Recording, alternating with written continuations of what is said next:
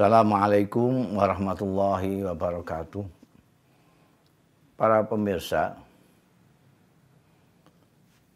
di dalam Islam ilmu kedudukannya sangat penting sekali.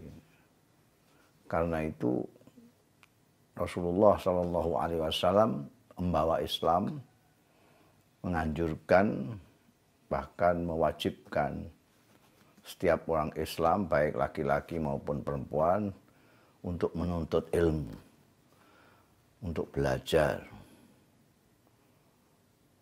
Tolabul ilmi faridotun ala kulli muslimin wa muslimatin.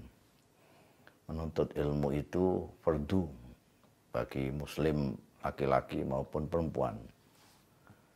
Imam Syafi'i radhiyallahu anhu juga mengatakan kurang lebih man arada dunya fa'alaihi bil ilm wa man arada al akhirah fa'alaihi bil ilm man arada dunya wal akhirah fa'alaihi bil ilmi orang yang menghendaki dunia pasti memerlukan ilmu menghendaki akhirat juga perlu ilmu menghendaki dunia akhirat juga perlu ilmu dan kedudukannya orang yang berilmu sangat tinggi sekali dalam Islam.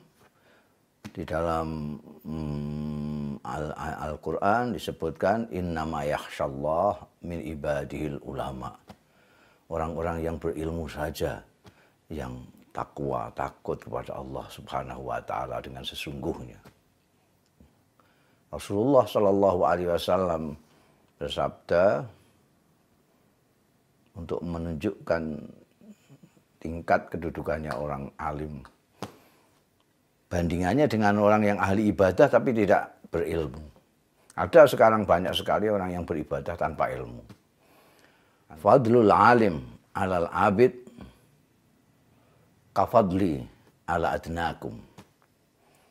Keutamaan orang yang berilmu daripada orang yang beribadah tanpa ilmu seperti keutamaanku dibandingkan dengan orang yang paling rendah di antara kalian. Assalamualaikum warahmatullahi wabarakatuh.